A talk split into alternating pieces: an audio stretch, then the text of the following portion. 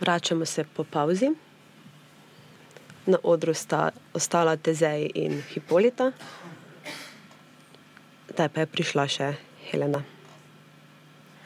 Tezej in Hipolita sedita popolnoma na zadnji mizi, na koncu prostora, kar je velika sprememba. Prej so bili v bistvu vsi posedeni v času prve vrste, zdaj pa ona dva sedita v zadnji vrsti, um, med njima je velik šopek.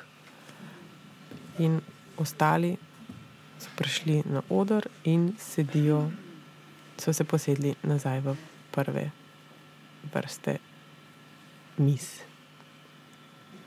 Še vedno gledamo isto scenografijo, se pravi, deset, približno deset mis, okroglih, na katerih so šampanci, pogrinki, vse je pripravljeno za poročno slavje. Zanimivo je, da tisti, ki so bili v prvem dejanju na začetku uh, dobre volje, ne, so zdaj v bistvu slabe, zaskrbljene. In uh, tisti, ki so bili prej nekih kislih obrazov, so zdaj dost vedri. Med njimi recimo Jan Zupančič. Sanje.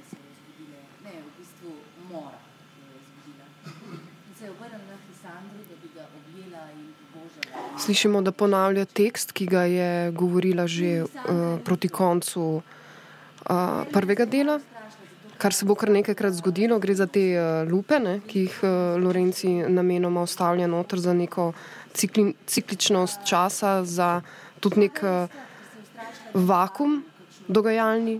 Ki pa je v bistvu prisoten že vse čas, ne, zaradi scenografije, zaradi uh, čudnih odnosov, zaradi izobilja neizrečenega. Ja, en občutek velike praznine vsekakor izhaja iz tega, ker vidim, da na, na, v tej sobi, veliki dvorani, je prostora za nekje um, pa tem 60 gostov, 60-70, če rečemo, da je 10 mis in da bi za vsako mizo lahko sedelo 6 ljudi. Um, mi pa vidimo tukaj samo 6 figur. 11 zeleno oblečeni. In cikličnost časa, to prehajanje, doskrat tudi okrog pauze, ne? se dogaja to pri Lorenciju, da pred pauzo nekje zaključ, potem je pauza in potem se vrne nazaj in gre naprej, kar se ravno kar tudi dogaja. Ampak se mi zdi zanimivo to, ne? igralec, mislim, ali pa tu Jana in mislim, da tudi eh, Robert oba ponovita svojo zgodbo, ne? kako ohraniti zanimivost, uh, tudi ta drugič. Ne?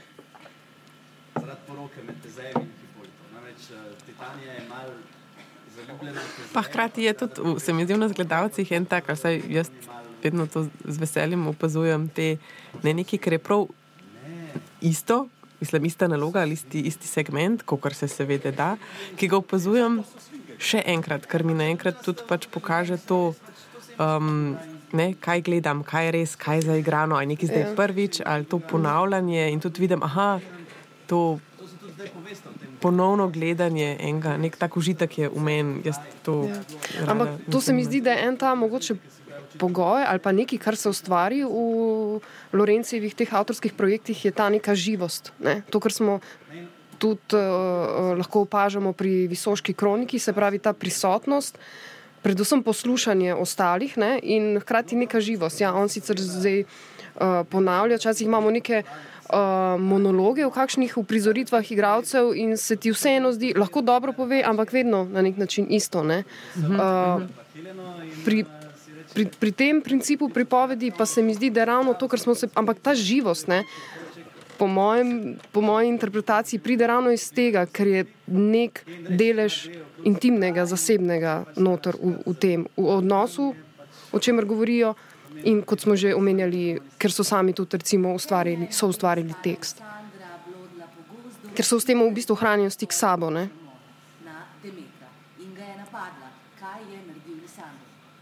Ja, Demeter se je zbudil, fantastično zaspan, si je spet rekel, wow, spet bo super dan, uh, pol je spakiral ta svoj šotor in vse to v minuti 20. Na mizah vidimo tudi zdaj nek nov predmet, nisem čest prepričana, kaj to je. Um, Mikrofon kot da so mikrofoni, ja, te prenosni, se pravi, nekaj, kar si zataknijo, igravci lahko za pas in um, to govorijo. Ušesa. V ušesa, ja, okrog. Um, kar pomeni tudi, da očitno se bo s tem, Hermija prišla, ne, To je se- začela nekaj se bo s tem zgodilo. ne, eh, Kje je Helena, kje je Helena, kje je Helena, kje je, eh, In zdaj vstopamo tudi v en del predstave, kjer gledamo Mateja Puca, tukaj se dogaja zdaj ta uh, nek prehod iz enega, kaj želim, kaj, iz ene vloge v drugo, oziroma iz enega občutja v drugo. Nek notranji boj. Nek notranji boj, bi lahko rekel, da, ta, um, da bi se menjala ta transparentnost, da imamo zadnji en, spredi nekaj drugega in zdaj kako to prehaja, ker ga v bistvu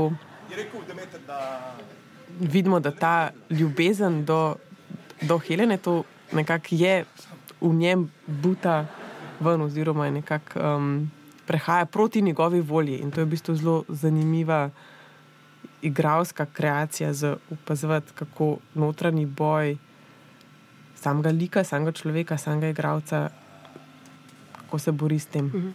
In zanimivo mi je tudi to, recimo ta prvi del. Uh, Mateja Puca, ne, kdaj občinstvo zaznamo, da ni napaka, ne, da je napaka zrežirana. To, ko on ima te lapsuse, ne, v bistvu kako mojstersko jih potem, uh, da v bistvu rabiš nek, neki sekund ali pa nekaj časa, da ugotoviš, kako natančno je v bistvu ima premišljeno, na kak način se zmoti, da bo naravno. Ne, ne en Ja, tak um, paradoks v bistvu. eh,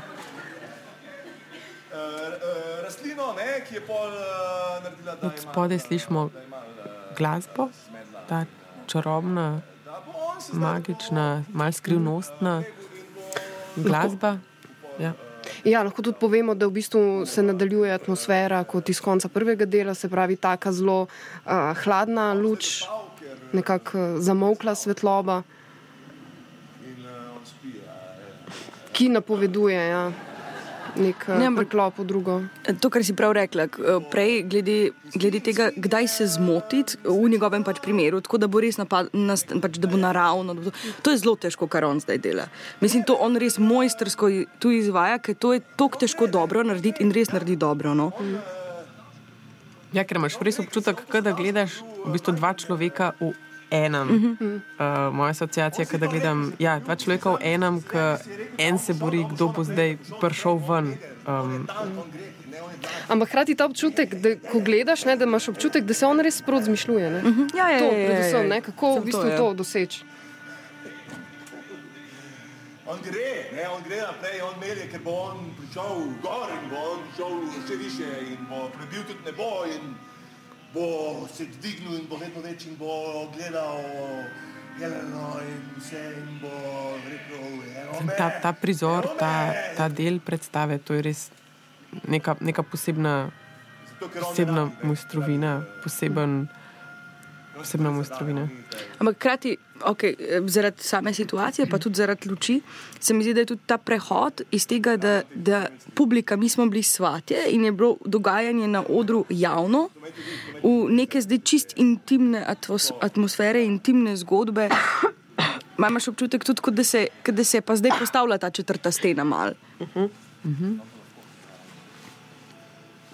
Mislim, sicer še naprej nas nagovarja, ampak se mi zdi pa, da, da v izvedbi in v atmosferi in potem dogajanju, da, da pa je ta neka intima, nek, neka osebna zgodba se bolj ustvarjala. Ki se kaže tudi recimo, občutku občinstva, da se ti zdi, da si vojer. Ne? Ne, Ja, da ja, mogoče pa ja, ja. ne bi ne, smela biti le, ali pa mogoče je pač, ker je to, ker recimo stopamo na nek način res v notranji njegov prostor. Ne? Dajte vidite, ne, In kako gre v bistvu tle, tle eh, tu enih emocij, ne? od nekega nelagodja do nekega zanikanja, izgube moči in hkrati uh, ustrajanja v tem, ne? da ne izgubi v bistvu statusa in uh, učinka, ki ga je imel celotno pr prvi del. Ne? Ta prelom je zdaj v bistvu zelo radikalen, ne? iz vrha udarec na, na tla. Ne? not, not, pa dam not, pa dam not to. Vizualno luč je zdaj zelena, cela scenografija, vsa tla, zadnji, kako pada luč, je zeleno. Če bi prosim nekako bolj rdeče je stopalo spredje, zdaj zeleno, modro. In kako se bori Matej Puc s to svojo notranjo voljo, kako v bistvu ga vleče nekam, kako, se, kako ta neka fizično, ko se to manifestira, je um, zelo enega velikega boja.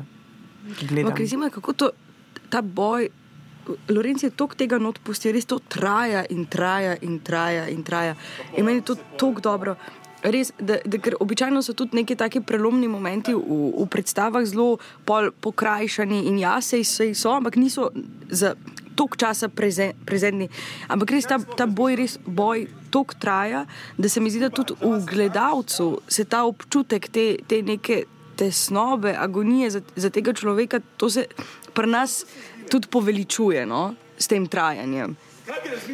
Ja, nekako nelagodje raztegne, ja, kar opažamo ja, ja. tudi v visoki kroniki, uh -huh.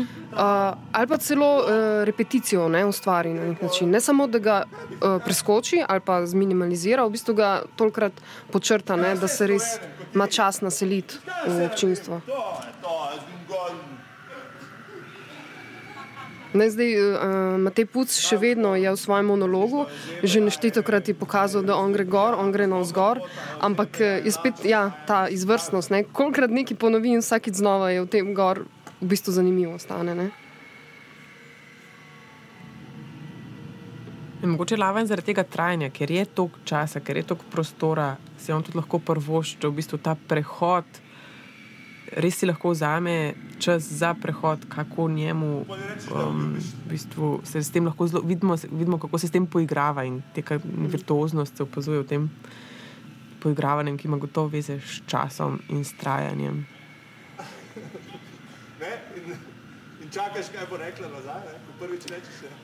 Zdaj tu za njim vidimo tudi uh, zavese, ki so v bistvu iz polivinila, če, če prav razumem. Ne? Uh -huh, uh -huh. Kar je ja, zelo nenavadno, tudi ne, simbolno močno, zdaj najbrž si vsak uh, razlaga po svoje, ampak uh, pač neke, uh, v neki uh, kongresni ali kakršni koli že dvorani imeti take zavese. Ne, kukor je po eni strani zelo realističen preris te uh, prizorišča, ne, ali pa teh mis in stolov, vse to je v bistvu ta uh, material teh zaves zelo v bistvu pomenljiv. Ne.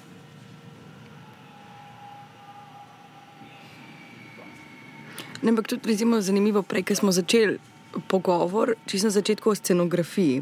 Da v bistvu oni, ja, mi smo svatje, mi smo tudi na tej poroki, ampak bi pričakoval, da bi bili potem oni za eno ravno mizo in to je to. Ampak tak prostor je poseljen z, neš, z več kot desetimi ali kolikimi mizami, ki so zdaj popolnoma prazne. V bistvu oni so samo tri mize posedili, ostalo je vse prazno in ta prostor je ogromen. To,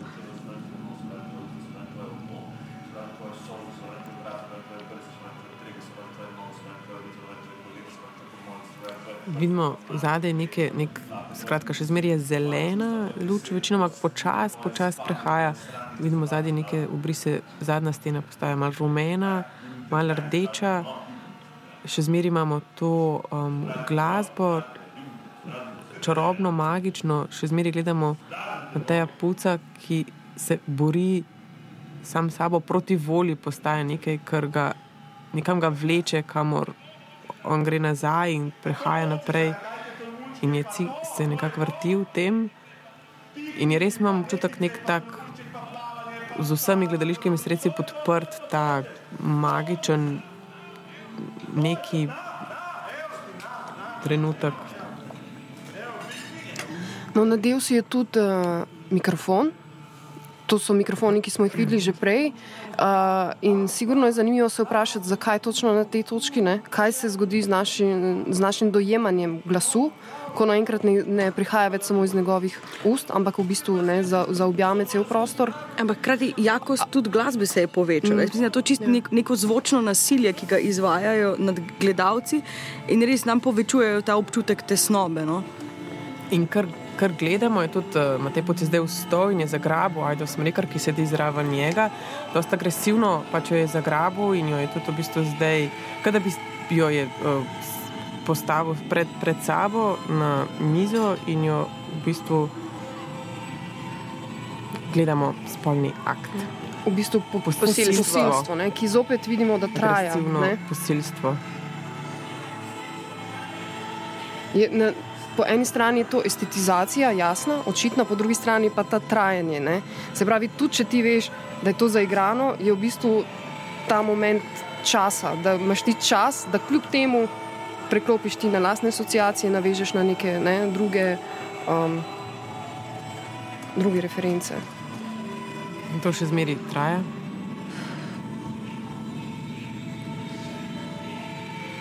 In ostale figure okrog so prisotne na odru in gledajo. Ja. Nič ne naredijo, kar se je v bistvu zgodilo tudi eh, že, že pri prvem spolnem aktu, v prvem delu, ne, kjer imamo ta neke te dogodke množične in se nekaj zgodi, in ker so vsi v takem nelagodju, sploh nihče se o tem ne pogovarja, sam pičimo dalje. Ne. Kar je seveda neka prispodoba družbe kot take. Ne. Ali pa se mogoče ustavimo za tisto sekundo, če že potem pa to potlačimo in gremo dalje. Ne. Zdaj se Je pa res, da je, pardon, samo to, je pa res, da je prvi spolni odnos, ki smo ga videli, vseeno vseboval nek konsens, mm. za razliko od tega, ki ne. Kljub temu pa je bil moralno v bistvu ponižujoč, ne, ker je, pred, ker je ženin to naredil pred svojo To, uh, ja. nevesto.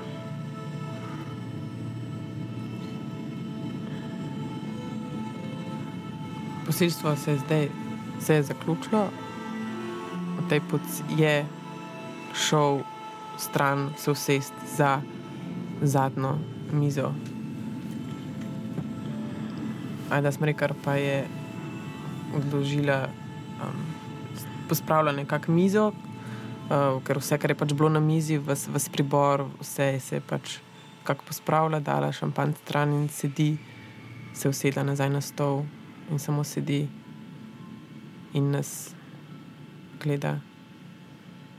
Ampak je zanimivo, da je prišlo do posilstva. Mislim, je razumljivo za karakter Demetra, ki je bil ravno tak, imel vajeti v rokah, ki je, ki je bil v bistvu vodja in prizora in teh ljubimcev. On je bil tezej mlajši praktično, ampak tudi s te- s tezejem je znal ravnati. Kako je v bistvu v trenutku, ko je izgubil kontrolo z tem bojem, kako ko je bil šibek, kako je rabu, rabu je nadvladati nekoga, rabu jo je posiliti, rabu je spostaviti v sebi nadvlado nad žensko, nad njo, ona, ki ga je zdaj zlomila uh, čustveno, notranje, osebnostno. In ona plava noter. Ja, in tle je tudi vprašanje tega, ker spet prijemo, zakaj so tu spremenili v tekst, zakaj je avtorski projekt. In recimo lahko eno od vprašanj to, če bi oni ohranili izvirnik, bi vse te tematike in odnosi ostali, ampak bi bili prikazani zelo samoumevno, ne? od seksizma do patriarhata.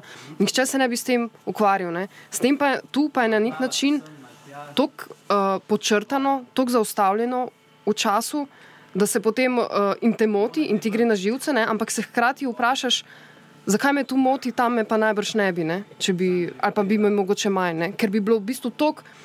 Ker bi mogoče tudi neke druge stvari v bistvu prevladale, ali pa bi šlo mimo tega. Ne? Sigurno neko posilstvo, ali bi bilo samo omenjeno, ali celo preskočeno, sigurno ne bi trajalo dve minuti, tako kot tu. Ne? Dve lukenci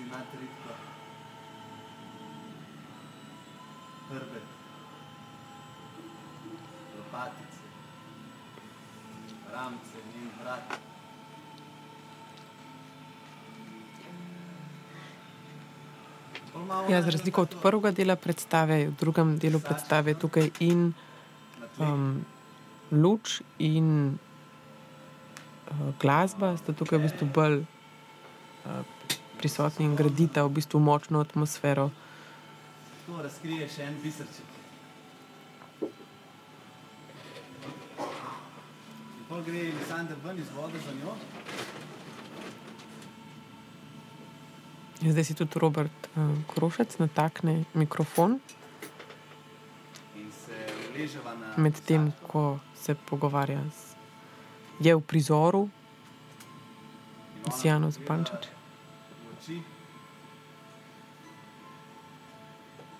Zdaj, nekaj, kar naredi, seveda, uh, s temi mikrofoni, je seveda komentar Lorencijo na njegove. Mislim, na njega samega, ne, na njegove koncepte in seveda mikrofone, ki so se v zadnjih letih, mikrofon je bilo vedno, ko pride mikrofon, to pomeni, da smo v postdramskem Ja, ja. gledališču. Ne, in res je bilo recimo neka, uh, ene 4-5 let nazaj. Uh, na Bošnikovem srečanju je bilo tako, uh, dve predstavi, mogoče nista imeli mikrofona. Je bil en zelo močen trend. Ne, trend um, in je pač uh, se poigrava ne, s to funkcijo, tudi s neko stigmatizacijo, kako namenoma, na kateri točki se zdaj oni polastijo teh uh, mikrofonov. Ne, ker mikrofon na nek način ojača, zato da bi v smislu, hočem, da vsi nekaj slišite, ne? po drugi strani pa mikrofon ravno v najbolj intimnih momentih. Ne? Se pravi, tle se igra z, z to dvojnostjo ne? tega glasu, ki v bistvu zaobjame cel prostor.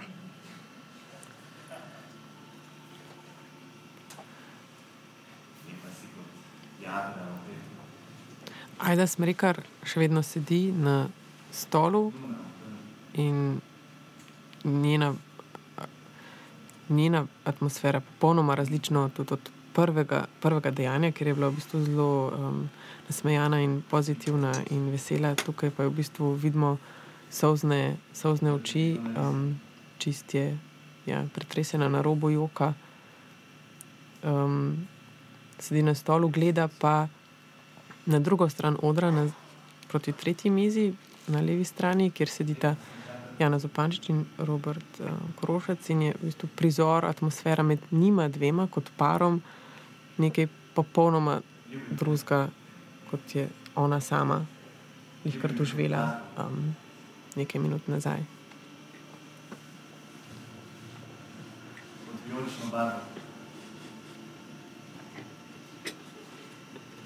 Recimo, tukaj si na začetku prekomentirala, da kje je zdaj tu meja med intimnim igravcem, da igravci so oni in pa liki, kjer so.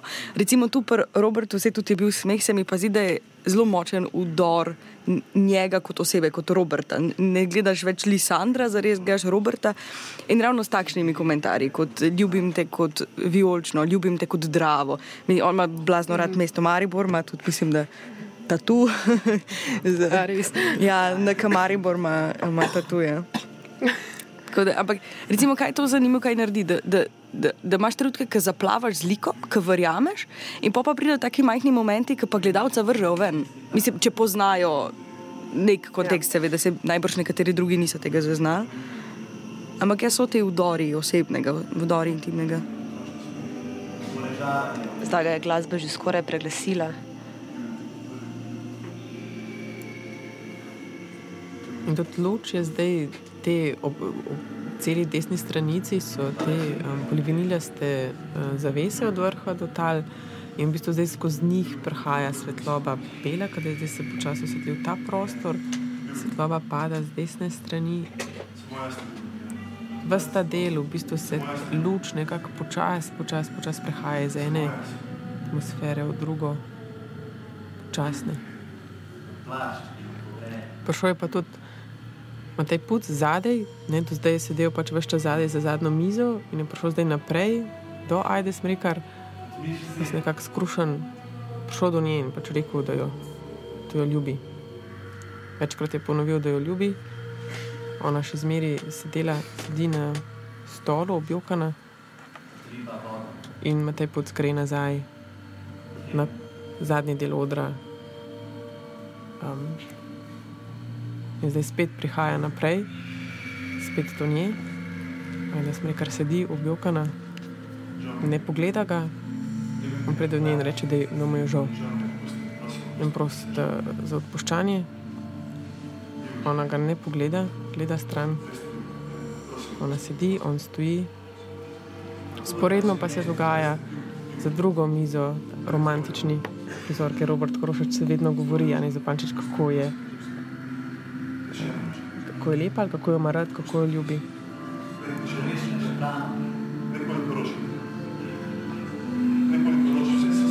Na tej pot stopnjuje to zahtevo potem, da mu ajde smrekor odpusti, ampak ne gre stran, ona sedi, gleda stran, ampak on postaja, stopnjuje svojo zahtevo. Ampak je res, da on iz nekega diktatorja prej v nekega pros- v bistvu prosjači, ne? na nek način. Ja, ampak so spet gledamo te neke ekstreme. Ne? Po eni strani v prvem dejanju je bil, ona je hotela, iskala neko pozornost, si ga želela, on jo je v bistvu vse čas odvračal, je rekel, večkrat je tudi rekel, kje je njeno mesto, kam naj gre, da naj ne bo. Zdaj jo je na začetku drugega dejanja se izvede, jo je posilil. zdaj prosi odpuščanja. Taki ekstremni, ekstremni pa hkrati zelo, um, ja, zelo ekstremni, zelo neka jasna, brez nekih umestnih. Ne, zdaj recimo prosto odpuščanje pa se joka. Um, je nekaj joka, kaj je to pač prpelal. Tem, ko ona še zmeri sedi in ga ne pogleda. Potreba za dovolitev.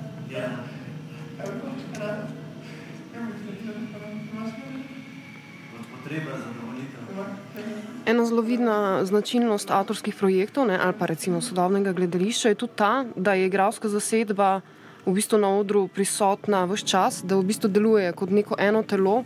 Ne vem, mogoče Nina lahko na, na tej točki malo komentira svojega vidika. Ne. Um, kaj to pri, pomeni pri samem doživljanju recimo, predstave ne, z vidika igralske ekipe? Kaj to vseeno, recimo zdaj vidimo Primoža Pirnata pa jete, ki v bistvu že uh, pol ure samo sedita ne, uh, zadaj. Seveda sta znak, ampak iz igralskega uh, recimo, vidika sprašujem, kaj to pomeni, če bi pa ona dva bila zdaj, ne bi bila na odru, pa bi prišla na odr šele, ko bi uh, morala. Ne. Se pravi, kako kak v bistvu odnos to vzpostavi tudi pri igralcu do, do vsega? To je za nas. eh, pa Če, ti, če imaš ti možnost iti ven, z, dol z odra, imaš ti možnost se tam zbrati, eh, eh, imaš možnost recimo nekega preseka, če rabiš to, imaš možnost um, imeti, če, če rabiš recimo za naslednje prizore, kakšno posebno koncentracijo, ko si, ko, posebno emocijo. Moraš, ska, recimo, da se ti je kaj iz odra zgodilo in moraš z neko drugo energijo priti na oder, recimo to ti vse omogoča. Če si pa vse čas na odru, je pa pol res to, to je zelo težko, zato ker moraš vedno vedeti, kdaj si v fokusu, kdaj nisi, kdaj, kaj je pomembno, kaj ni. V primeru, da, da če je recimo en zelo pomemben trenutek za samo predstavo ali pa od igralca, da ti s kakšnimi drugimi akcijami tega ne kradeš. Mislim, seveda je tu režiser, ker neke stvari omili, ampak velike pa na nas. In recimo tudi jete in pa. In pa uh, Primoš Pirnat, ki sta od zadaj, še vedno morata igrati. Nista privat, nikoli nisi privat. Držati moraš stanje, moraš, vedno, vedno igraš. In recimo to, to, to zahteva neko zelo posebno koncentracijo in zelo neko posebno. Se mi zdi spoštovanje in, in do soigralca, en poseben nek, neko povezavo ti da za samo predstavo in za svoje igralce. Res je, nimaš, nimaš možnosti umika. Tudi če, ni, tudi če veš, da te mogoče publika v tisti točki ne bo pogledala, eh, še vedno si prisoten in še vedno moraš nositi stanje. No? In to je, recimo, ker smo prej govorili toliko o trajanju, recimo to trajanje se pač pri igralcu zelo razleče. In imaš, recimo, da nosiš neko tesnobno stanje, ki je potrebno za prizor, to, to je ful težko in držati. In recimo zdaj eno uro ali pa dve uri, koliko bo trajalo tisto dejanje. Ne. Tako da je, ampak je pa zelo zanimiv pojav in je, je zelo prisoten. Ja. Ampak recimo isto je prisotno kot ne vem. Zdaj, Neka performativna, da, da pripoveduješ zgodbo in si vse čas gor. To je tudi nekaj, kar, kar smo mi tudi pripravljeni, da, da bomo najbrž veliko krat zasedeni v, v te predstave, oziroma da, pač, da jih bo umetniški vodja izbral, če pridemo v projekte, v teatre in tako dalje. Ampak ja, ja seveda je zelo drugače. Matej Put se je zdaj spet vrnil do Aida Smrekar. Njegov odnos do nje je zdaj šel od začetnega obžalovanja, pro, uh, um, prosjačenja za odpuščanje, vse tja do patetičnega, pa potem do v bistvu agresivnega, saj si, saj si hot, to hotela, a ni to to, do zdaj ko je v bistvu spet zelo, um, zelo no, ne zelo, ampak relativno odločen. Ja, celo za grozine. Mislim, da Ja. reče prav, če sem slišala, da jaz se bom, jaz se bom ubil, jaz se bom pa zdaj ubil. Skratka, tudi grožna. ne. Preizkuša različne strategije, kako zdaj spostaviti nek stik. Um, In spet imamo ta njen celo mo. Prijel za, za vrat Ja. ja. in jo bo zdaj, ne vem, kaj jo bo zadavil, ali jo bo ubil, kaj bo. Ja, skratka, najprej bom ubil sebe, zdaj pa bom ubil tebe. Ne? Skratka, um,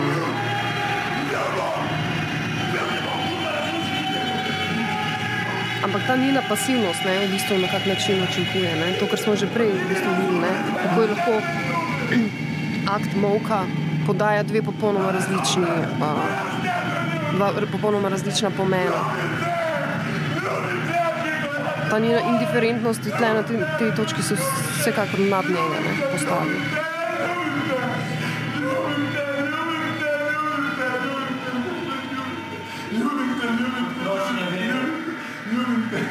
Ja, zdaj je tudi ona ostala in tudi ona namestila mikrofon.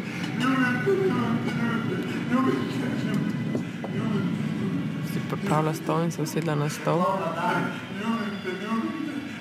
In cela atmosfera tega dejanja je zdaj nekako nek surrealna, rekla, nekako ne z to zvočno atmosfero, s tem trajanjem, s ponavljanjem. In sploh cela ta transformacija, v bistvu, ajde smo rekli, tudi prej, ne, ko je on eh, njo posiljeval, ne, ta raztegnen, mučen uh, uh, trenutek, ki, kjer so zelo jasne pozicije moči, oziroma njega vladarja in žrtve. Ne, v bistvu ona v tistem uh, tudi njemu vpraša, njega vpraša, aj že noter. Ne, se pravi, da ga degradira na, na tej neki ravni moškosti. Ne. On ima moč, ampak v bistvu ga. ga ga, se ga dotakne na najbolj šibki točki. Ne? Ampak, recimo, spet je tu ta moment, na kar si ti že opozorila prej, tu je zdaj prizor med njima, nek in, intimen prizor. Hkrati je pa, se pa je režiser odločil, da bo na odru pustil vse druge igralce, ki se ne obnašajo, kot da niso v prizoru, kot da je nek preseg. Oni so gledalci tega prizora, so prisotni. In In ja, spet to, kar si kaj to za igralca pomeni. Mislim, zavedaš se, da si recimo v teh momentih funkcija in da si v teh momentih znak, da si v teh momentih statement. Mm. Ni kar, kar tako pustil igralce. Zato, bi bilo, najlažja stvar bi v bistvu v tem trenutku bila vse ostale poslati iz prizora. Mm -hmm. Poiskati kakšen razlog, zakaj grejo, to, to je v bistvu zelo preprosto narediti in imeti nek prizor zgolj med dvema igralcema. Ampak tega ni naredil režiser. Ne? In kot igralec moraš ravno temu prilagoditi in se in najti motivacijo, zakaj ostajam v prizoru, zakaj sem v tem prizoru, ki se mu priča tiho, zakaj nič ne, kakšen je moj odnos do tega, kar gledam. Osmisliti Osmisliti si moraš ja, prav to, prav to. Ja. No, zdaj je Matej Puc na sredini odra, stoji in je go. Sliko se je, a je, a da smreka res je dela za mizo na stolu in pač on se je slikal. Rekla mu je, da ne pač se slika. Ja.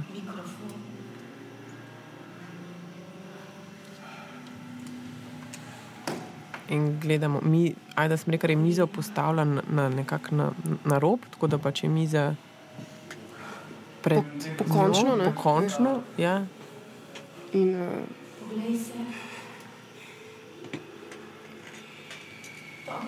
razkrečila noge na drugi strani, ne? se pravi, med njim in njo je še vedno ta miza. Ona je še vedno oblečena v belo poročno obleko, tem, ko ima tej puc kleči, nag, na kolenih. S povešeno glavo. In ona mu govori, poljubi se in kaže na mizo. V bistvu gre za eno stilizacijo oralne zadovoljitve, ne? oralnega spolnega odnosa.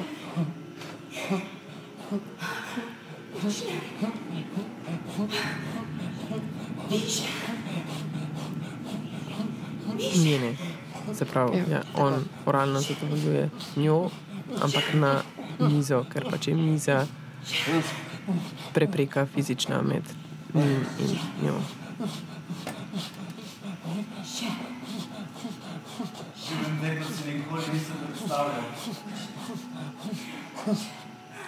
Še vedno pa spremljamo tudi, uh, oziroma sporedno se dogaja tudi še vedno ljubezenski prizor med Jano Zupančič in, Zupančič in Robertom Korošcem. On še vedno njej izpoveduje svojo ljubezen.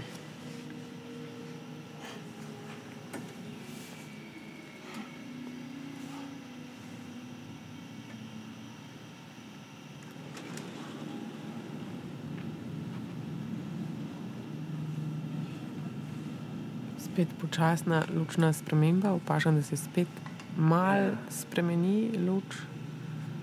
Um, zvočno tudi še vedno slišim neke, neke klavir, neke piske, neki. Tako čas teče nekako drugače, nekako je vse počasno, ne vem, zdaj je to, zdaj gledam resničnost ali sanje, ali ka, v, kakšnem prostoru se nahajam, kje, kje smo, kaj je.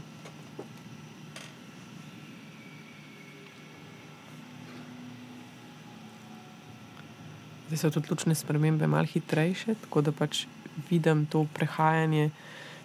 Imam občutek, mogoče, da je to zdaj lahko ne, dan, jutro, večer, spet, ne, mogoče tečejo tukaj zdaj dnevi. Zdaj pridemo do točke, kjer je nek spot na Janu Zupančič. Ki zopet ponavlja tekst. Ne? Ponavlja tekst. eh, Iz kot- prvega, mislim, iz uh, prvega, iz začetka Kot drugega dela. Ja, ja. Skratka, že tretjič, ne, skočimo ja. nazaj v mm. zgodbo.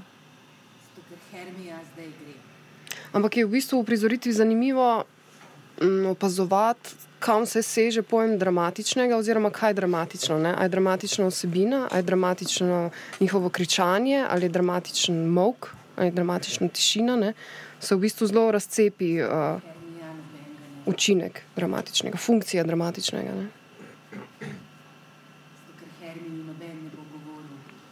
No, tu je recimo meni zelo dober moment, v smislu, ker tu je pa. Tu se pa odcepu od originalne zgodbe popolnoma. Recimo, jaz ne vem, ali je to prišlo zaradi igralke, ker je sama čutila, da njen lik, tako kot se veliko krat zgodi, je, da njen lik nečesa ne bi naredil, da, da je nesmiselno, da, da, da, da, da enostavno ni možno, in potem si ti razbijaš glavo, da bi si ti usmis, osmislil neko, kot v tem primeru, ljubezensko zgodbo, ker ne vidiš možnosti, da bi te dve osebi zares bili skupaj. No, in tu je recimo ta poseg, kjer pa ona pove, da pa ne bo, da bo pa šla. In da ne bosta ona dva skupaj. In ima zdaj tu ta svoj feminističen pravzaprav monolog o tem, kako bo samo svoja ženska, kako ne rabi mo moškega, kako ne bo z Lisandrom skupaj, kako, kako se bo osvobodila, odšla iz tega kraja, odšla iz Grčije.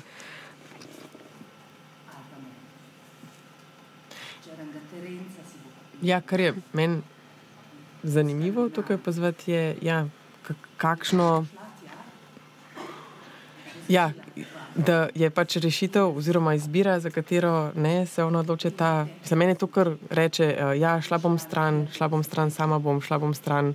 Um, se mi zdi, da reče, da gre celo iz zemlje v vesolje, nekam, nekam daleč stran, kar meni pač da misel, da se pravi, a to je taka ekstremna uh, odločitev, oziroma taka ekstremna pot ali osamitev, izolacija, se pravi, a ni, a je možno tudi kakšna, kakšna druga pot, da ne rabim iti tako daleč stran ali da si moram reči, da to je pač to neznosno, tako se tega pač ne da prenašati, da moram to tako radikalno odrezati. Zdaj, recimo, to je nekaj, kar sem se enkrat se pogovarjala s šolci o tem, da smo se pogovarjali, kako v bistvu ja, to, da bo ona šla, da, bo, da, da je prelomila v bistvu tu originalni tekst, da je, da, da je posegla v lik na tak način, kako je to super in fenomenalno.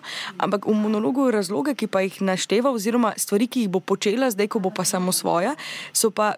Stereotipno feministke, to, to, kar si moški veliko krat predstavljajo, da to boste vešle sem, feministke. In zdaj bo ona šla in bo na, izdelovala sama na kiti, bo šla na kuharski tečaj in bo, bo eh, kajt ali ne vem, kaj bo tam je vse omenjala. Tako da, recimo, to mi je zelo zanimivo. Ali je mogoče kak drugi način, ki ne rabiš ravno stereotipno feministične stvari našteva, da to je edina naša možnost osvoboditi se, biti samo svoja ženska, ampak je v bistvu ful drugih načinov. Ne?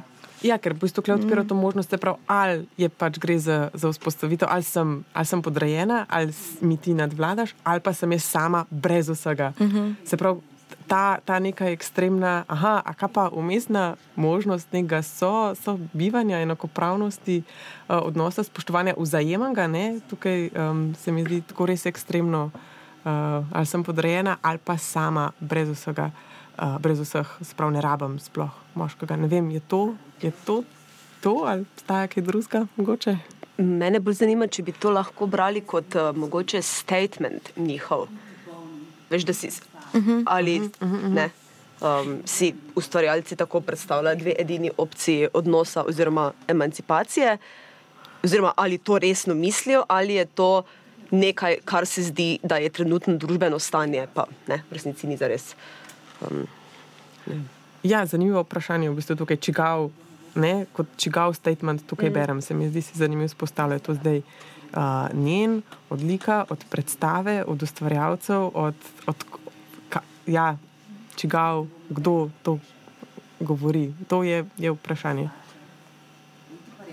Ampak hkrati tudi to, kar v bistvu zdaj doskrat ponovim, je ravno to, da je predstava ali pa ta njeno izjavljanje. Uh, se pravi, pozicija in uh, vloga ženske se premika, ampak še vedno o njej samo govorimo. Ne? Mi je pa recimo zanimivo to, na kak način moč volje ali pa neke odločitve prikazuje, so prikazane pri moških, vse na vzven, kričanje in kako ona stoično mirno sedi in to pripoveduje, ne? brez kakršne koli akcije, podčrtovanja, transparenta. Ne? V bistvu uh, gre spet za vprašanje, kako ti neko misel ali pa svojo uh, lastno osebno revolucijo izraziš. Ne? Ali moraš za to mahati, ali to sam gre za to, da se ti not pomiriš in sam pač greš v to.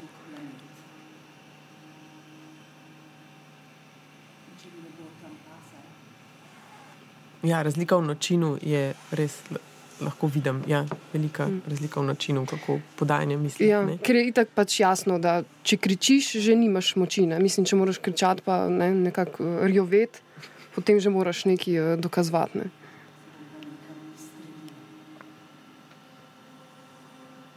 Je pa cel, celoten odr zdaj eh, še vedno precej v, v temi in na Jano Zopančič je usmerjen uh, spot, se pravi reflektor, luč. Ona je v beli obleki, še vedno v poročni beli obleki. Zdaj si je odložila uh, mikrofon um, in gleda desno, kjer je Če se ne motim, je prej um, v tem prišel naprej tezej, torej primoš Pirnat. Spet smo videli, če je res. Čarobne spremembe mm. luči. Ne, ampak zdaj, če se malo vrnem, ne, se imamo še dovolj časa. Recimo ti, ko si prej govorila o teh porokah, ne, oziroma mhm. tej celi mašineriji in to, kar ona zdaj spet reče, da bo šla na kuharski tečaj, ki je samo ena nijansa vsega te, te ja, ja. produkcije. Ja. Um, Ja, zdaj razmišljamo o tem. Ne, uh, jaz sem še vedno prepričana, da oni imajo zelo zaveščeno. Ne. Tudi če poznaš Jano Zupančič, pač veš, da tle naredijo pač ta nek um, ironijo vzpostavi do tega, ne. da pač namenoma zdaj ne bo šla v, v neki, kar je. Um, uh, kar ni klišejsko, ne? kar je v bistvu namenoma, se mi zdi, da naredi ta navidezno emancipacijo. Ne? Ja, šla bom stran, ampak še vedno bom notor v klišejih. Ja, ja. Po drugi strani si rečemo, ogromno populacijo, ogromno žensk živi ravno v tem, tem klišeju. Um, ampak ja, če spet prijemo na, to, um, na ta odnos med uh, zasebnim in, um, uh, in uh, pač igranim, in tudi, recimo, prav zdi se mi, no, da je Jana Zupančič in uh, Jete Ostan uh, veru, da sta dve igravki um, v mestnem gledališču Ljubljanskem, ki ima je zelo, zelo jasno ki, in ki si vzame ta prostor, kolikor je pač možno znotraj uh, vloge, ki, ki jo imata. Ne? Da je seveda, ne, Lina, to sama veš, da ne moreš zdaj spreobrniti ti kontra, če si v nekem projektu, ne, ampak izkoristiš kolikor se da znotraj, znotraj tega svoj prostor ali pa svoj, svoj statement. Ne? Ne, in to je recimo fulepo pri Lorenciju, ker on ravno igravcem dopušča to svobodo, da lahko mm. morda naredijo te obrate ali, ne, kar, in da lahko v bistvu sami doprinesejo in spremenijo zgodbo, seveda v konsenzu z njim ali prek improvizacije in teh raznih za- zadev, kar ti pa recimo mnogi, mnogi drugi projekti, oziroma večina bi rekla, ne dopuščajo. Ja, Ne. In si ja. res skozi sam osmisliš to, kar imaš. Mislim, iz materijala, ki ga dobiš, absolutno pač razplastiš na tisoč načinov, osmisliš, ampak si še vedno ujet v tekst, zares in v vizijo režiserja. Mm. Na odru trenutno spremljamo dogajanje, um, ko jete uh, Ostan Verup, uh, svojemu zdaj že možu, verjetno, um, Tezeju, uh, na glavo povezne vlečko, poročno vlečko, seveda. Ja, in tudi njegova, uh, njegova atmosfera je v bistvu zdaj precej različna. Uh -huh. Sedel je um, zdaj na, na stolu in nekako je bil občutek, je bil nek, ali neka kesa ali nek. nek um, Nekako je uh, ja, imel govor s tihim glasom, gledal je dol, bil je zelo, sploh v primerjavi s prvim dejanjem, kjer je v bistvu bil zelo razprt, močan in je rjovel, je tukaj v bistvu zelo bolj um, popolno nasprotje. Zdaj v bistvu drug drugega slačita in se oblačita v oblačila drugega. Kar je fulepo, ker v bistvu po eni strani to delata zelo nežno, kar je edina nežnost, ki smo jo videli v njunem odnosu. Sploh, ker recimo prvi vtis, ki smo ga dobili na začetku, da je bil ta, da je bila ona morda celo prisiljena v ta zakon. Vsekakor ji ni bilo pogodu, no, da, da, da je ste zajem in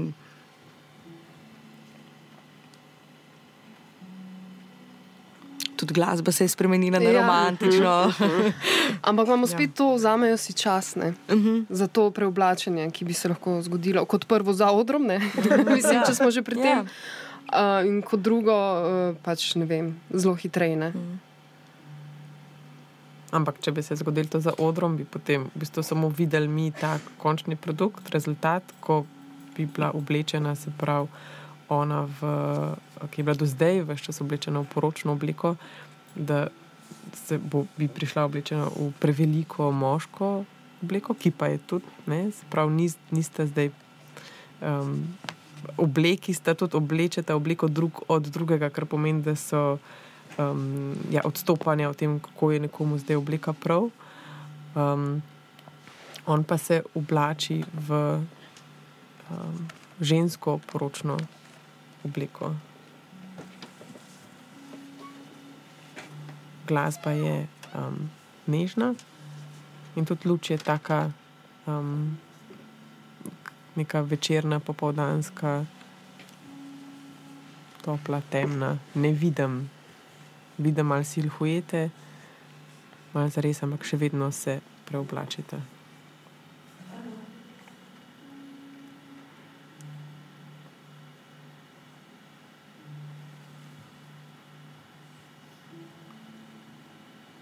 In zdaj sedeta za mizo, oba.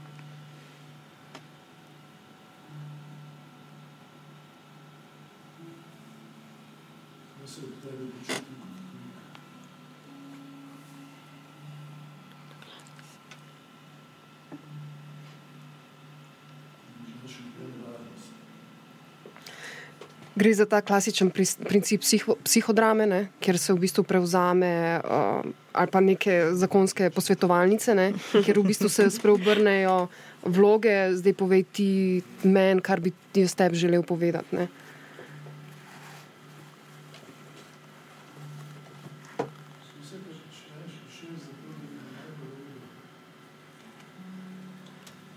Ampak je zanimivo, obrne, se pravi, oblečena sta obleke um, od drug od drugega, govori uh, Primož Pirnat, govori on, ona, oblečena v obleko, je pa se v tem trenutku še tiho in ga posluša.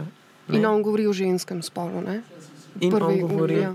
v ženskem spolu, ampak je hecno, se mi zdi, tukaj se zgodi ta obrat. Naenkrat zamenjamo, sta zamenjala na nek način obleke drug od drugega, tudi on govori v ženskem spolu, ampak je pa še vedno moška figura, ki je oblečena v žensko in ki govori v ženskem spolu in ki govori zdaj za žensko.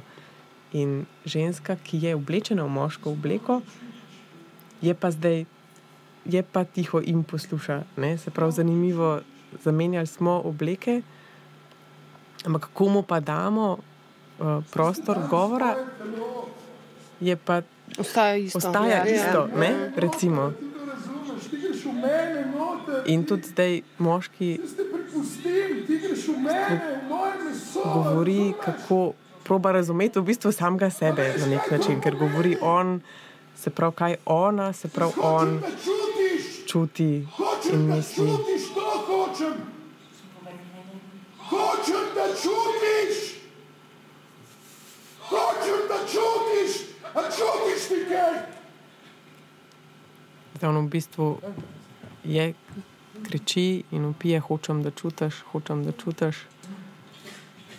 Ona ga je zdaj prijela za roko in ga vodi po, po prostoru. Skratka, prostor je še vedno temačno osvetljen, malo vidim silhuete, ne vidim točno vseh. In ona ga vodi, tečeta, smejita se.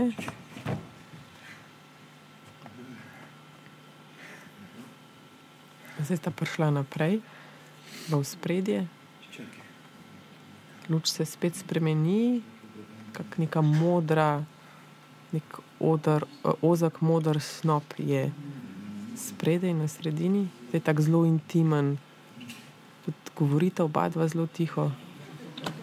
Uh, Evanina, če se prej navežem na to, kar si v bistvu govorila o uh, preoblačenju, da kljub temu, da je uh, Primzi oblečen v poroč, žensko poročno obleko, da govori v prvi osebi ženskega spola, ampak še vseeno pa je on tisti, ki govori in je v dejanju, se mi potem me Zelo me zanima, no, ali gre tukaj v bistvu na komentar, da bo ženska v kakršni koli obleki, bo še vseeno ženska, ali so se ustvarjalci mogoče v gender studies poglobili do te mere, da zdaj se preprašujejo o biološkem in družbenem spolu. Mislim, super bi bilo, če bi bilo zadnje. Ne? Ja, ampak to recimo je. Um, Ta moment vseeno ne, tega vprašanja spola in ali pa nekih izstop iz te ne vem, heteronormativnosti je v bistvu pri, pri Lorenciju, zdaj lahko rečem, skoraj zagotovo prvi moment pri njemu. Ne. Pri njemu so spolne vloge zelo jasne. Ne. Ja. In tudi eh, recimo, ne, ne vidimo nekih uh, LGBT vsebin, ne, redko kdaj. Ne. Zelo ostaja. Um, tako da tle se vedno polu um, vznikne to vprašanje aktualnosti, sodobnosti. Ne. Kako si ti lahko zelo sodoben v principu gledališča, v režiji, ampak kako lahko na neki vsebinski ali pa neki problemski ravni ostaneš pa v bistvu totalno tradicionalen Ja, ali pa pač ne. Um,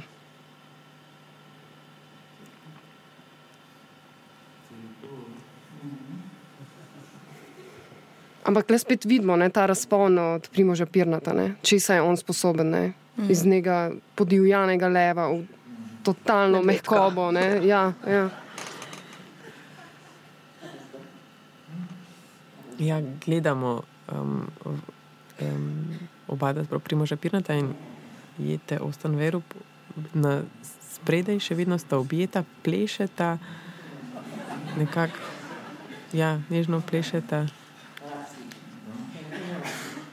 Ona dva sta v spotu, vse ostalo je še vedno v temi, nek zelo intimen moment med njima. Ona se smeji, oba dva se smejita.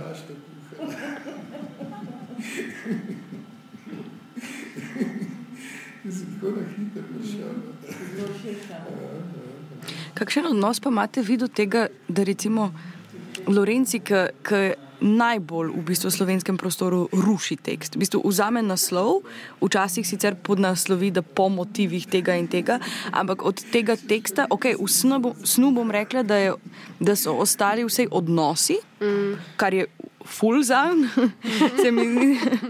Ampak v večini njegovih primerov pa res tako poruši, da, da od osnovnega teksta v bistvu ostane izjemno malo.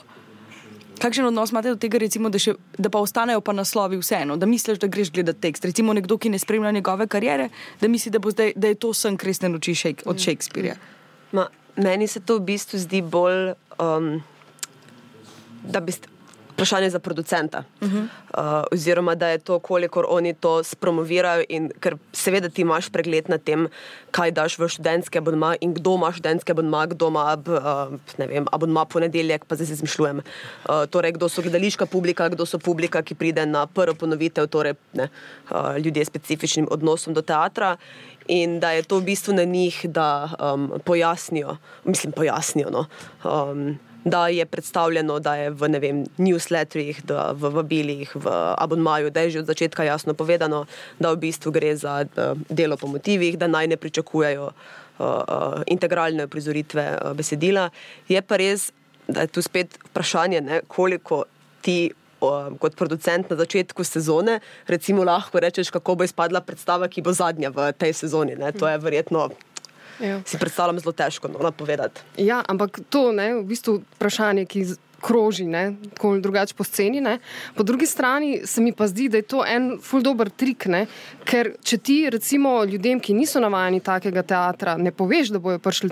Gledati takšen teater, ga najbrž nikoli ne bojo, ne? se pravi, da jih ujameš na finto, ne? da so nekako, na rekovajih, prisiljeni, kljub temu, da niso vedeli, kaj jih čaka. Ne? Mogoče je to tudi ena, ena od poti, ne? ker recimo na nevladno sceno vemo, kdo bo šel na nevladno sceno, kaj nas tam čaka. Ne? In zato je tudi zanimivo v bistvu ta prenos novalnega gledališča v zadnjih letih, ki, je, ki je na nevladni sceni že od 60-ih. In kaj se je zgodilo, ko je naenkrat prišel v institucije. Um, tako da se mi zdi, ja, seveda za nekatere je to zelo vprašljivo, ne? oziroma koliko se zdaj neka avtorska ekipa lahko naslanja ali pa jemlje za alibi neko veliko ime, ne? nek kanoniziran tekst. Ampak uh, ja, po drugi strani se meni osebno zdi tak pozitiven trik. No? tiste negledališke ljudi, se pravi, katere treba nekako uh, jim pokazati, nočem zdaj pokroviteljsko izpast, ampak jim pokazati tudi neke sodobne pristope, ne, ki mm. degradirajo neke njihova pričakovanja, neke dramske loke, klasične. Ne. Jaz se s tem absolutno strinjam, ampak poznam predvsej primerov gledaliških ljudi, ki jih to, da mislijo, da gredo, da gredo gledati integralno prizorjen tekst, kanon in potem vidijo delo po motivih, jih zmoti, mislim, poznam primere, no, ko so prav pri snu kresne noči, ko je bil to ogromen problem, da to ni Shakespeare. Zakaj mi govorite, da pogledam Shakespearea, če mi ne date Shakespearea, uh, v smislu, da je to pa že prav zavajanje in potem operiranje z težkimi izrazi, kot so laž in ja. podobno. Ja. Um, in se mi zdi, da je tu treba ja. biti spet zelo previden med tem, da. Um, Mislim, meni se zdaj, ko tako pojasnjujem, uh, uh, dojemanje oziroma uh, princip prodaje uh, uh, predstave, se istočasno jaz kot ustvarjalka sama sebi. Se mi zdi grozno neumno, kar govorim, ampak se pa mi še vseeno zdi, da je treba upoštevati ob, ob, oboje, oba vidika in uh, uh, oba principa, da istočasno, seveda, ne moreš ti vsem ustvarjalcem, ki bodo delali Shakespearea, do nadaljnega reči: Glejte, pač integralno ali pa nič, ne? to je zgrešeno. Um, po drugi strani pa je vse eno. Publiki, pač zdi se mi fair, da je pa publiki se še vseeno pove, da je po motivih, ker tudi to zna vplivati na njihovo nadaljno odločitev obiskovanja tega specifičnega gledališča ali tega specifične zasedbe. No, Okay. Sam, da mogoče um, zadrž misel, sam, da opišemo, v bistvu, ker se je zdaj odr popolnoma že spremenil uh, iz prejšnje atmosfere, smo zdaj spet nazaj na začetku, se pravi tako po, po luči, spet gledamo luč iz. Odr je cel razsvetljen, tla so zelena, vidimo te rdeče stole in tudi um, vsa uh, ekipa, igralska, v bistvu postavlja prostor nazaj, uh, se pravi, so spet pogrnili, mizo so dali na svoje mesto, pogrnili so prt, alkohol pri um, pogrinke in tudi vsi so se oblekli, se pravi, Matej Puck je bil prej gov, se je oblekel nazaj v obleko. Um, Primož in Jete sta v bistvu tudi se spet nazaj zamenjali v obleki, se pravi, uh, Jete spet v, v poročni obleki in Primož v obleki. Um, spet bojo nekako se vsi počasi, da so se, čutek je, kot da so se zbudili iz sna, sna. san um, ne, in da sedajo zdaj nazaj na pozicije. To sprav, prvotno kompozicijo. Prvotno, prav prvotno uh, kompozicijo, tako kot na začetku, uh, po parih, se pravi, prvih treh mizah, spredaj na odru in zadaj osem miz praznih, primož, pirnat sedaj si hotla sem sam stavek ali dva, glede na to še na prejšnje vprašanje, ne, se mi zdi, da so zelo tanke meje, kdaj prilagajanje občinstvu postane diktat občinstva. Ne. In se mi zdi, da je funkcija gledališča, da ja, da gre proti, seveda, jaz popolnoma razumem, one plačajo karto in imajo pričakovanja, ampak se mi zdi, da če, bo, če bojo teatri skozi sledi njihovim pričakovanjem, pa še to, ne, recimo ta predstava je v letošnjem sezoni v MGL-ju skoraj Dina, ki v bistvu v taki meri stopa, vse ostale so klasične. Torej se mi zdi, da eno pa lahko poturiš ne, Enough. proti pričakovanjem. Ja. Gle in gledalci so začeli ploskati, aplaus. Ja, si hotel še kaj? Serija Abonma Boršnik je del projekta Abonma v produkciji Momenta Maribor. Podcasti so nastajali v sodelovanju s studijem Europe Radio GT2. Serija je arhivirana na SoundCloudu Maribor is the Future.